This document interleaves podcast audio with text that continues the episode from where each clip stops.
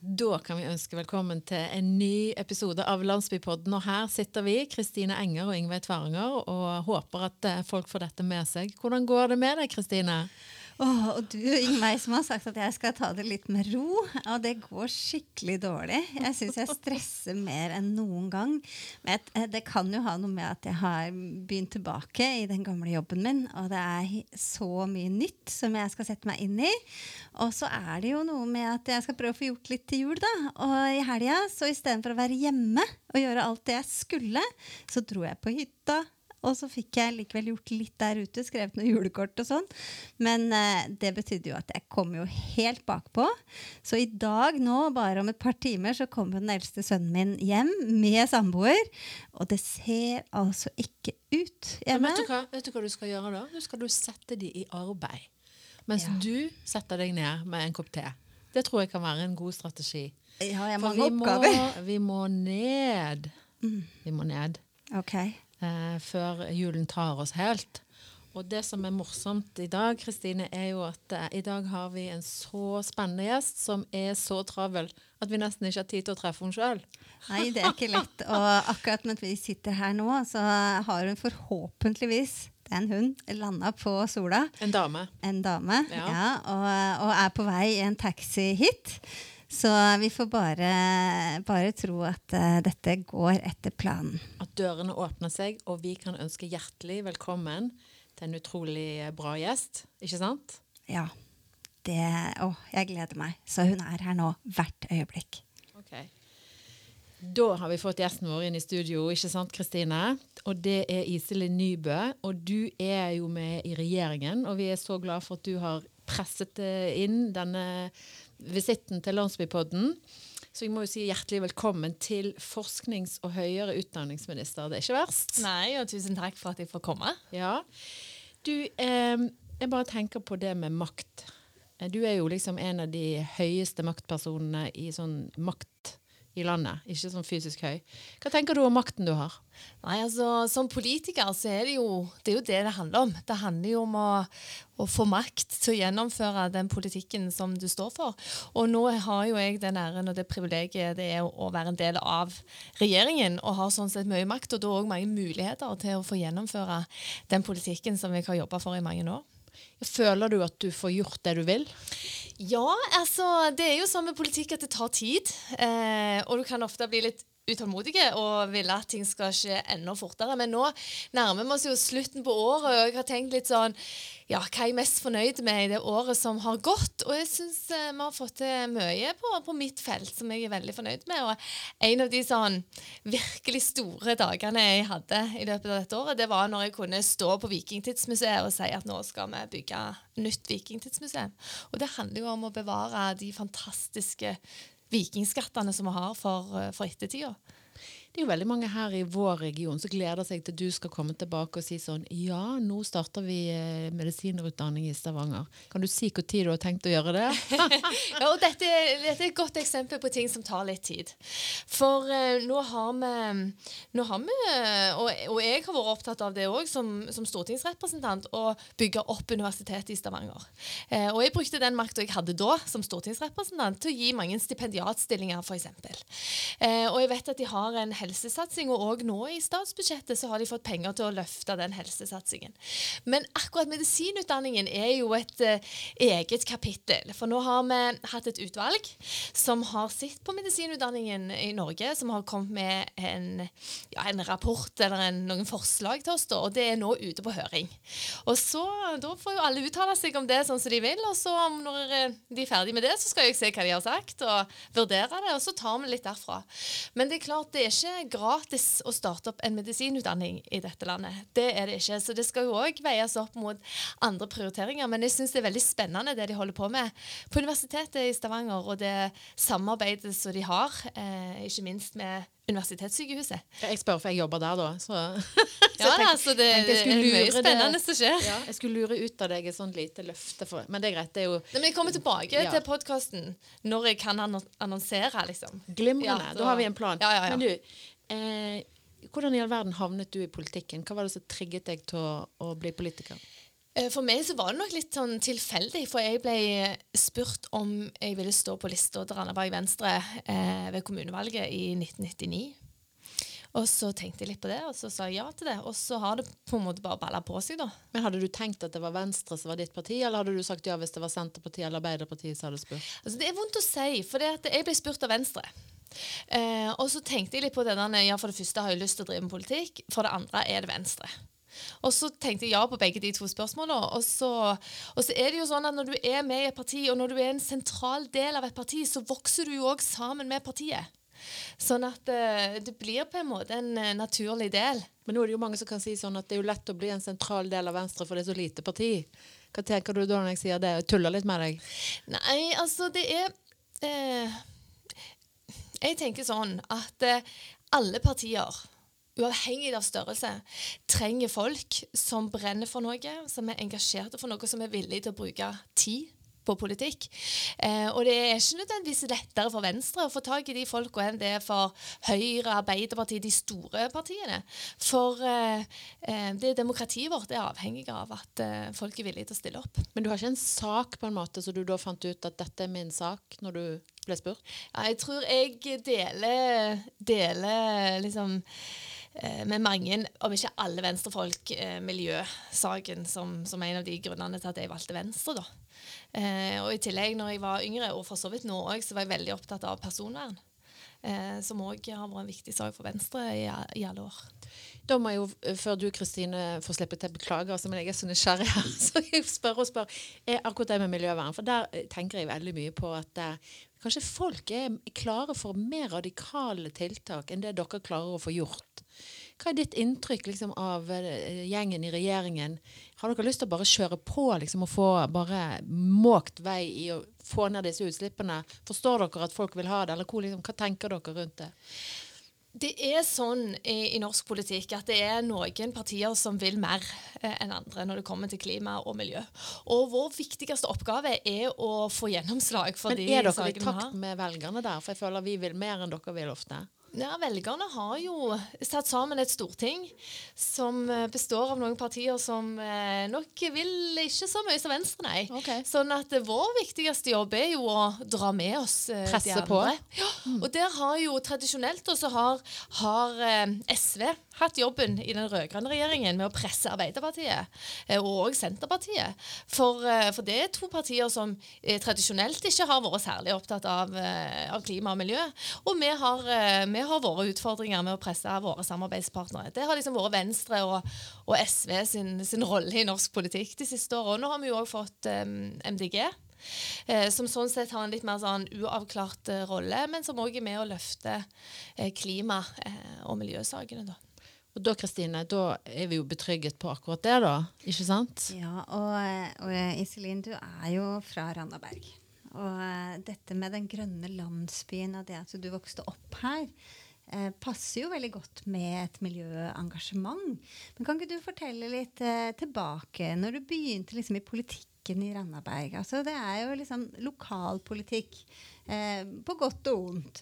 Eh, hva, hva husker du fra den tiden? Hva, tok du med deg? Hva ga deg noe? Kan du, klarer du å fortelle litt om det? Ja, altså, jeg husker jo både de gode tinga og, som du sier, på godt og på vondt. For det er klart eh, Det å være unge jenter eh, alene i kommunestyret for et parti, det, det har sine utfordringer, og det skal vi være ærlige på. Det har sine utfordringer nå, men det hadde òg sine utfordringer eh, lenger tilbake i tid. Så det har Ja, det har jo også, Det former deg jo. Du, du lærer deg jo å stå hva, hva har du opplevd som var vanskelig, syns du da? Jeg har opplevd å være en del av et samarbeid som plutselig tok slutt uten at noen ringte og sa fra til meg om at nå er vi ikke lenger eh, Venner i politikken? Ja. Ja, wow. Jeg har opplevd, eh, jeg har opplevd eh, at vi har stått ute i en pause og sagt åh, nå er det i godt humør, nå går vi inn fort.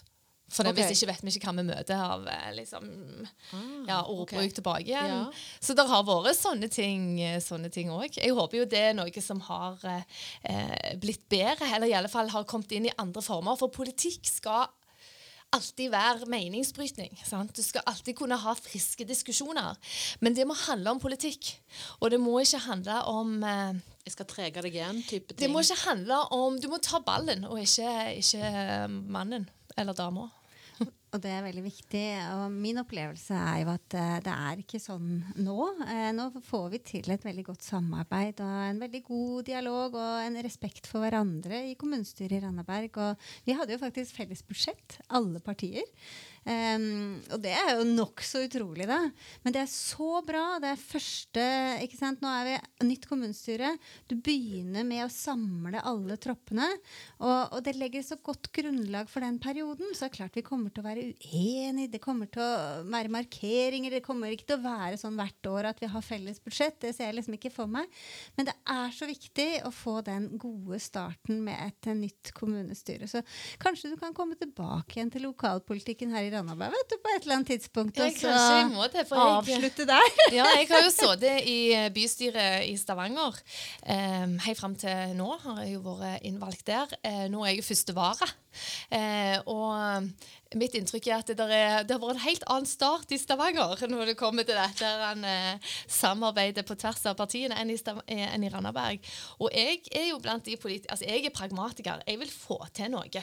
Eh, og jeg syns det er noe av det beste med formannskapsmodellen, er jo nettopp det at det legger opp til eh, samarbeid eh, og jobbe sammen til det beste for eh, lokalsamfunnet sitt. Men du, Har du noen sånne triks på en måte, eller hva skal jeg med direkte hersketeknikker som du bruker for å få det sånn som du vil, hvis noen på en måte prøver å sette deg på plass som kvinne eller ung, eller sånne ting? Det har jo alle. Noen hemmelige triks i boka ja. som man ikke kan røpe. Og du vil men, ikke si det? Eh, ja, men jeg tror ikke Eller nå kan jeg nok ikke bruke de triksene lenger, for nå, nå, er jeg statsråd. Nå vet folk at jeg er statsråd. Og med å være, med å være det, så følger det jo eh, tyngde med det. Sant? Og særlig når jeg reiser utenlands og skal møte mine eh, utenlandske kollegaer, eh, så er det jo ikke så vanlig i verden, verden for øvrig da, at vi har eh, relativt unge kvinner som statsråder. Det er jo eh, mange i Norden som har det, men ikke sånn i verden for øvrig.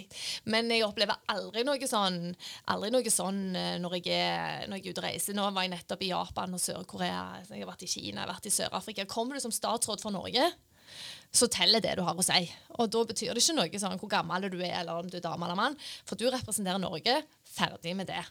Men når jeg var eh, litt yngre så syns jeg av og til det var litt løye, for da er det jo noen ganger at du opplever å bli snakket litt eh, ned til. Eh, men eh, jeg for min del har jo en, en, en lang utdanning og òg en lang politisk erfaring. etter jurist? Ja. Mm. Jeg er jurist ja, og har jo da vært folkevalgt siden 1999. Så jeg har jo eh, jeg har jo opplevd noen hersketeknikker sånn opp gjennom åra, så da, da, har jeg det egentlig ganske løye med, med, det. Og, altså, folk tror jeg er mye yngre enn jeg er. Du ser jo helt fantastisk ut. Ja, jeg måtte nettopp vise legg. Ikke sant? På Kiwien. Jeg skulle kjøpe øl, og han spurte i ramme alvor jeg må, tror jeg må få se legitimasjon. Ja vel, sa jeg og ga han til han. Og da ble jeg helt flau, så sier han det er ikke ofte jeg bommer så Det er jo fantastisk. Du, eh, det er jo en kul opplevelse, da, som vi elsker å oppleve sant, når du er over 30 eh, år. Men du, eh, har du opplevd noen sånne helt sånn bisarre ting som politiker? At du liksom merker at dette var rart? Sånn, ja, i Asia, da, så du nettopp har vært sånne litt rare ting. Så vi snakket om det før du kom. Kanskje det er sånn som du bruker i memoaren og sier det. Det var en opplevelse jeg tar med meg inn til barnebarna. Ja, det er sånn at jeg opplever rare ting hele veien, føler jeg. For det er stadig noe, noe som skjer. Um, og jeg var i, uh, i Paris uh, nettopp fordi vi hadde et, eh, et sånn internasjonalt møte der. Uh, og da hadde jeg noen bilaterale møter med mine kollegaer fra andre land. Da. Og så skulle jeg møte den ene kollegaen min da og vi hadde et møte og gode greier. Det er jo sånn korte møter, og dette var med tolk og alt, så vi fikk jo ikke sagt noe særlig på dette ganske korte møtet. da. Eh, og etterpå så skulle det være sånn gaveutveksling. Eh, vi hadde bare med i reserve, for vi tenkte at det er ikke vits egentlig å ha sånn gaveutveksling på sånne 20 minutters eh, bilaterale møter. Men der kom jo han da, min kollega fra dette andre landet, med to bøker som han hadde skrevet sjøl. Det var fint. De var heldigvis på engelsk, så det kan jeg jo se nærmere på når jeg får tid en gang. Og så kom han med et sånt et sånt slags fat forma som et blad. Veldig sånn glorete fat. Eh, og vi hadde jo da i retur liksom, Tusen takk for det, ja. Og i retur så får du en engelsk eh, versjon av Håvard Mål, vær så god. Liksom. Og så tenkte vi sånn etterpå hvem som går og drar på det, for det er stor sånn treeske, og noe, vi har mange av de med seg liksom til Europa. Ja, ja, og så sånn glorete greier. Og så tenkte jeg eh, morgenen etterpå at jeg må jo bare se hva det var dette her. Og så ser jeg vet du på det 24 karats gull. Oh, da, da var det bare å pakke det ned og levere, levere det til Kunnskapsdepartementet. For det er sånne, sånne Det kan ting du ikke ta imot det. Det kunne ikke skjedd i Norge, sant vel? At, eh, at vi gir vekk sånne, eh, sånne ting som det. Shiny. Ja. Du kan jo smelte det om og lage noen fine ringer og smykker. Nei, det må logges skikkelig. Det er logget, det kan jeg forsikre meg om. Ja, det er logget, og det er alt er i orden. Til og med den nissehua jeg fikk i dag, er logga. Ja, Så her logges alt. Tar du aldri noe med deg hjem? Jo, jeg tar noe med meg hjem, og særlig på, på i leiligheten i Oslo, for der er det jo ingenting. Så hvis jeg får en vase med en logo på, så er det vasen min. Og det er lov? Ja da, eh, det er en sånn grense for hvor mye du kan ta imot. Og alt logges uansett, og så er det en sånn grense for tid du kan ta det imot. Og hvis det er over den grensen, så må du Ja, det har jeg foreløpig ikke vært borti, men da tror jeg du må skatte for det. Og, Ja. sånn. Mm. Men eh, når du er inne på dette med gaver eh, vi, kan jo ikke, vi må jo snakke litt om jula òg. Eh, og jeg veit jo at eh, du er veldig flink med håndarbeid. Så jeg lurer jo litt på hvordan er det med julegavene fra deg? Er det, er det eh, noe du har laga sjøl? Har du fått tid til det? Alle i familien får hjemmestrikka lodder. Oh. For det er sånn du kan ha med på et fly. Sant? Sitte og strikke. Altså, det blir, eh, det blir lodder til alle. Fantastisk. Ja, Og det kan du si. Det vet de kanskje at de Jeg tror får. de vet det, for ja, men sitter de og så og strikker på det ullsokkene. Ja. Så bra. De har jo fått skikkelig diller på, så nå går de liksom så eh, fort. Ja, Ja. ja det er kjempebra. Men eh, du sier at jeg er flink på håndarbeid. Det vet jeg ikke, men jeg er glad i håndarbeid. Ja, det- Og så kommer jeg jo fra en familie der vi driver mye med håndarbeid. Ja, det vet jeg. Moren din er også kjempeflink. Hun hadde jo til Ja, hun er flink, hun. Ja, hun er flink. Og hun hadde jo sydd en fantastisk kjole til deg Ja. ved en spesie helt spesiell anledning. Ja. Ja, eh, Kan ikke du bare si et par ord om det? Ja, og det passer veldig godt i disse tider når det har vært juleball eh, på skoler. For eh, mor sydde en kjole som jeg hadde på slottsmiddag for noen år siden. Eh, og da la jeg ut på Facebook at eh, jeg var så heldig så har jeg mor som er så flink å sy at jeg kan gå med en hjemmesydd kjole på slottsmiddag. Eh, og den gang var jeg stortingsrepresentant, så da etterlyste jeg en statsråd å gå med, sånn at jeg kunne komme i Se og Hør. For denne, terning, denne kjolen kom til å få høyt terningkast, eh, mente jeg da. Jo da, Bent Høie selvfølgelig, òg fra Randaberg. Han meldte seg jo, eller vil jeg si mannen til Bent Høie meldte Bent Høie til å gå med meg eh, på Slottet. Og det gjorde vi, vet du. Og det ble masse oppmerksomhet rundt dette i NRK Rogaland. Det var ikke måte på oppmerksomhet rundt denne hjemmesituasjonen. Og dagen etter så ringte de. Ja, hei, dette er fra Se og Hør. Og da måtte jeg bare begynne å le. Men den fikk sekser, gitt. da. jeg så det. Og det er bare helt fantastisk. Og da tenker jeg at eh, hvis en stortingsrepresentant kan gå i en hjemmesydd kjole på slottsmiddag, så kan du som eh, skoleelev òg eh, senke skuldrene litt med tanke på hva du har på deg på skoleball. Og det er jo veldig inn også, da. Å, sy om, ikke sant. Og designe på nytt. Og redesign. Sånn at eh, det, det tenker jeg det er helt midt i blinken, og, og noe som veldig mange ungdom er litt opptatt av. Så Ja, det er trendy. det er trendy. Ja, så det er veldig bra. Men det er jo dette med jula, da. Eh, jeg vet ikke om du har fått Får du tatt juleferie i det hele tatt, eller? Ja, jeg gleder meg veldig mye til i morgen. Etter statsråd i morgen, da er det ferie. Da er det juleferie. Jeg skal jobbe litt sånn, men da skal jeg hjem, og ja, ja det blir deilig. Ja, og, og hva gleder du deg mest til? Jeg gleder meg til å være hjemme en stund. Eh, og så gleder jeg meg til å lese noen bøker. Og så har jeg spart The Crown på Netflix. Så den skal jeg liksom kose meg med i julen. Ja, Så jeg gleder meg til å surre litt med sånne ting som jeg liker å holde på med. Litt håndarbeid og Ja. kanskje litt baking. Og, Bare ha litt tid. ja. Men når du bare skal ha litt tid, eh, er det ikke sånn at du tar en tur innover i Ryfylke, da? Ja, jeg har jo jeg har jo som jeg kjøpte når eh, jeg ikke kom inn igjen på Stortinget, så tenkte jeg nå blir det god tid til å være på hytta. så jeg kjøpte hytta. Eh, og så eh, kom jeg, jeg jo i regjering, så jeg får ikke vært der så mye som jeg skulle ønsket, men det er en helt fantastisk plass. Eh, og jeg er der så ofte som jeg kan, og kanskje en liten tur i romjulen. Ja, ja, det unner jeg deg virkelig. Og særlig på vinteren, for det er jo, noen tenker at det er litt sånn sommerhytta, for det er jo med sjøen og sånn. Og det er jo helt supert å være der om sommeren, men vi bor i et hus fra 1800-tallet i Stavanger sentrum. Så om vinteren så er det òg en fordel å være i denne hytta som er bygd i 2014. For der er det jo tett og varmt, i motsetning til et litt vindfullt og ja, kaldt hus eh, i Stavanger. Da kan Romjula kan jo være litt vindfull eh, her i Stavanger, så dermed så tenker jeg det må være perfekt å kunne reise ut dit. Hva med, med, dette Du har jo sikkert ikke hatt tid til å høre på Landsbypodden, du. Men uh, når, når, roen senker seg, så kan du jo høre på litt episoder. For vi har nemlig et fast spørsmål som vi stiller alle gjester. Og det er eh, Randaberg. Hva betyr Randaberg for deg? Nei, Randaberg er jo heim for meg. Jeg har jo hele familien min, jeg. Eh, er fra Randaberg. Eh, og nå har jeg jo foreldrene mine bor jo fortsatt her, og det gjør bror min og svigerinnen min òg. Men aller viktigst av alt, mine to nieser og min nevø bor jo, bor jo her. Så ja, jeg må jo innom. Du må innom. Ja, og så Jeg har jo allerede invitert deg tilbake da, i politikken. Så, så, så det er noe med Randaberg. En tar jo med seg litt av sjela i denne kommunen eh, ja. videre. Så er det litt sånn Ja, du er fra Stavanger, sier Nei, nei, jeg er fra Randaberg. Mm. og det tror jeg det er mange fra Randaberg som, som kjenner på. Ja. At uh, vi er fra Randaberg. Ja. Og vi er jo to i regjering som er herfra. Eh, og så har vi jo disse her eh, bilene som kjører oss rundt.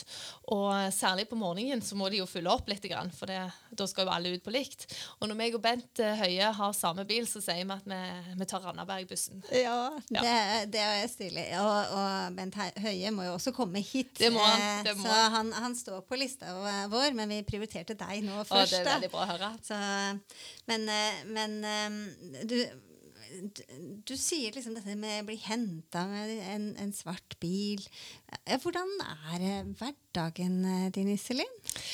Den går ikke an å beskrive, for en er så veldig forskjellige. Men uh, du, blir, du, blir, nok litt sånn ødelagt av å være statsråd, for det, alt blir lagt til rette for deg. Uh, det er folk som organiserer alt.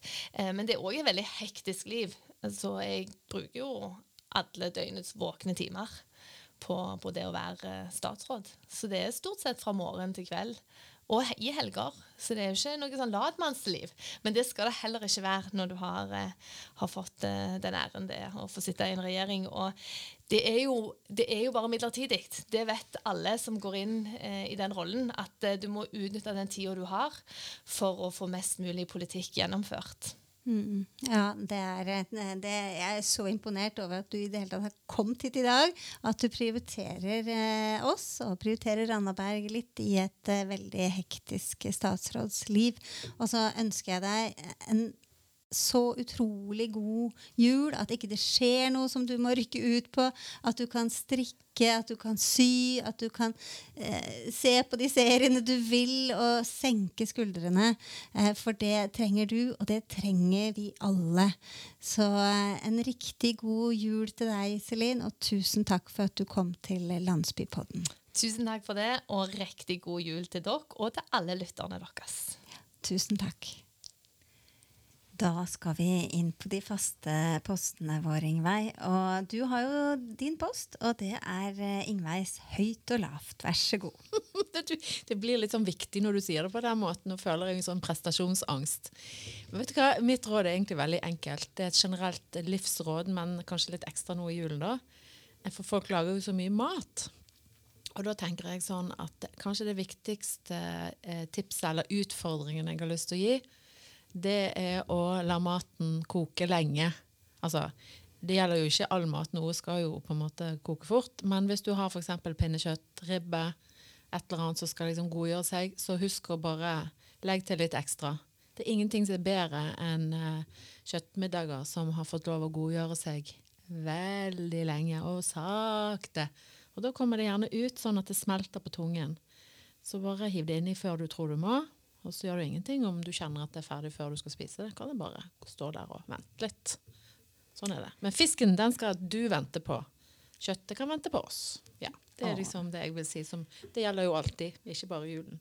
Ja, og når det gjelder dette med mat, Ingveig, det det har vi ikke sagt. Men du har jo faktisk gitt ut en kokebok, du. Og den kokeboka heter Bruk alt, og den er i salg. Så hvis noen trenger et sånn siste julegavetips her nå, så er Bruk alt en, en super kokebok. Eh, Og der kan en få ganske mange sånne gode råd som handler om å lage ja, middager og, og helt liksom sånn på skikkelig måte. Så jeg ble veldig inspirert når jeg leste den boka. Så du er god, Ingveig. Tusen takk, men uh, nå, nå peker vi bort til deg. For du har jo ditt grønne hjørne. Og jeg regner med du har noen eh, spennende utfordringer til oss der. Ja, det har jeg. Eh, eller hvis jeg har sjøl skaffa meg en utfordring, da. Eh, som jeg tenker kanskje dere skal få lov til å være med på sånn utover våren. For jeg har kjøpt meg drivhus. Det var sånn supersalg. Eh, 2019-priser, ikke sant. Og jeg måtte ta beslutningen på mandag. Og jeg har gått i to år nå og lurt på hva slags drivhus jeg skal ha. Og så, så bare, bare gjorde jeg det. Ja, Da var det jo godt at du klarte å skjære igjennom. Ja. Gratulerer med den avgjørelsen. Ja, men dette her er himla vanskelig. Og, og, men ok, nå har jeg bestilt et fantastisk eh, drivhus, og det blir levert i januar. Og jeg må finne ut åssen jeg skal både få satt det opp, og, og fundament og alt. Og viktig for meg er jo at jeg skal ha tilgang til jord i drivhuset. Jeg vil jo ikke legge noe gulv liksom i det, for det er jo, jeg skal jo dyrke. ikke sant? Det er det som er poenget mitt. Så det skal stå midt på gresset. Det skal stå helt midt på gresset, eh, og jeg skal, skal liksom bygge jord, og jeg skal ha åh, Og jeg gleder meg så utrolig. Og den som jeg nå eh, leser mye på, altså i forhold til på internett Jeg har jo ei som inspirerer meg helt enormt når det gjelder dette med hage og dyrking og drivhus. Og det er ei som heter Sara Bekkmo. Hun er eh, svensk, da, som dere kanskje hørte. Og, og hun har eh, Nordens største hageblogg. Og hun er på Instagram, hun er på Skilnadens, heter eh, kontoen hennes der. Og så har hun en nettside som, eh, som heter sara. Eh, Bakkmo ck. Og der er det så mye spennende å lese og se. Eh, og det er der jeg skal bruke tida mi nå framover for virkelig å planlegge hvordan jeg skal eh, dyrke i dette drivhuset mitt. Så mitt tips i dag er ikke å kjøpe drivhus eh, nødvendigvis, men det er faktisk å, å gå inn på Sara Bekkmo og bli litt inspirert, eh, du også. Hun har tilgang på mye stoff der som er gratis, og så er det noe som er sånn medlemsstoff. da. Og så har vi jo deg, som vi kan følge med på på Instagram på Sankeliv. Og der kan du jo finne link til din blogg. Regner med du kommer til å dele litt der. Ja, altså, Jeg, jeg har jo mye sånn sanking ute i naturen, men jeg tror jeg er ganske sikker på jeg kjenner meg sjøl, at dette med dette drivhuset kommer til å ta litt av. Og dermed så kommer det til å ta litt av også på både sankeliv og blogg og det meste. Glimrende. Og så har vi jo da det som skjer. Ja, og for første gang, det er egentlig kult, så har jeg fått en eh, skriftlig invitasjon til ordførerens nyttårsmottakelse. Og det er altså noe som blir sendt ut til tidligere ordførere. Altså De får en spesiell invitasjon til ordførerens nyttårsmottakelse, som kommer i posten. Um, men uh, alle, alle er jo invitert på ordførerens nyttårsmottakelse. Det er åpent arrangement. Det er på Varen. Det er første nyttårsdag, og det begynner klokka tre. Og så kan du møte opp fra halv tre, og det er litt sånn forfriskninger og litt smått å, bite i. Litt sånn kos, da. Og mingling, eh, hvis en ønsker det.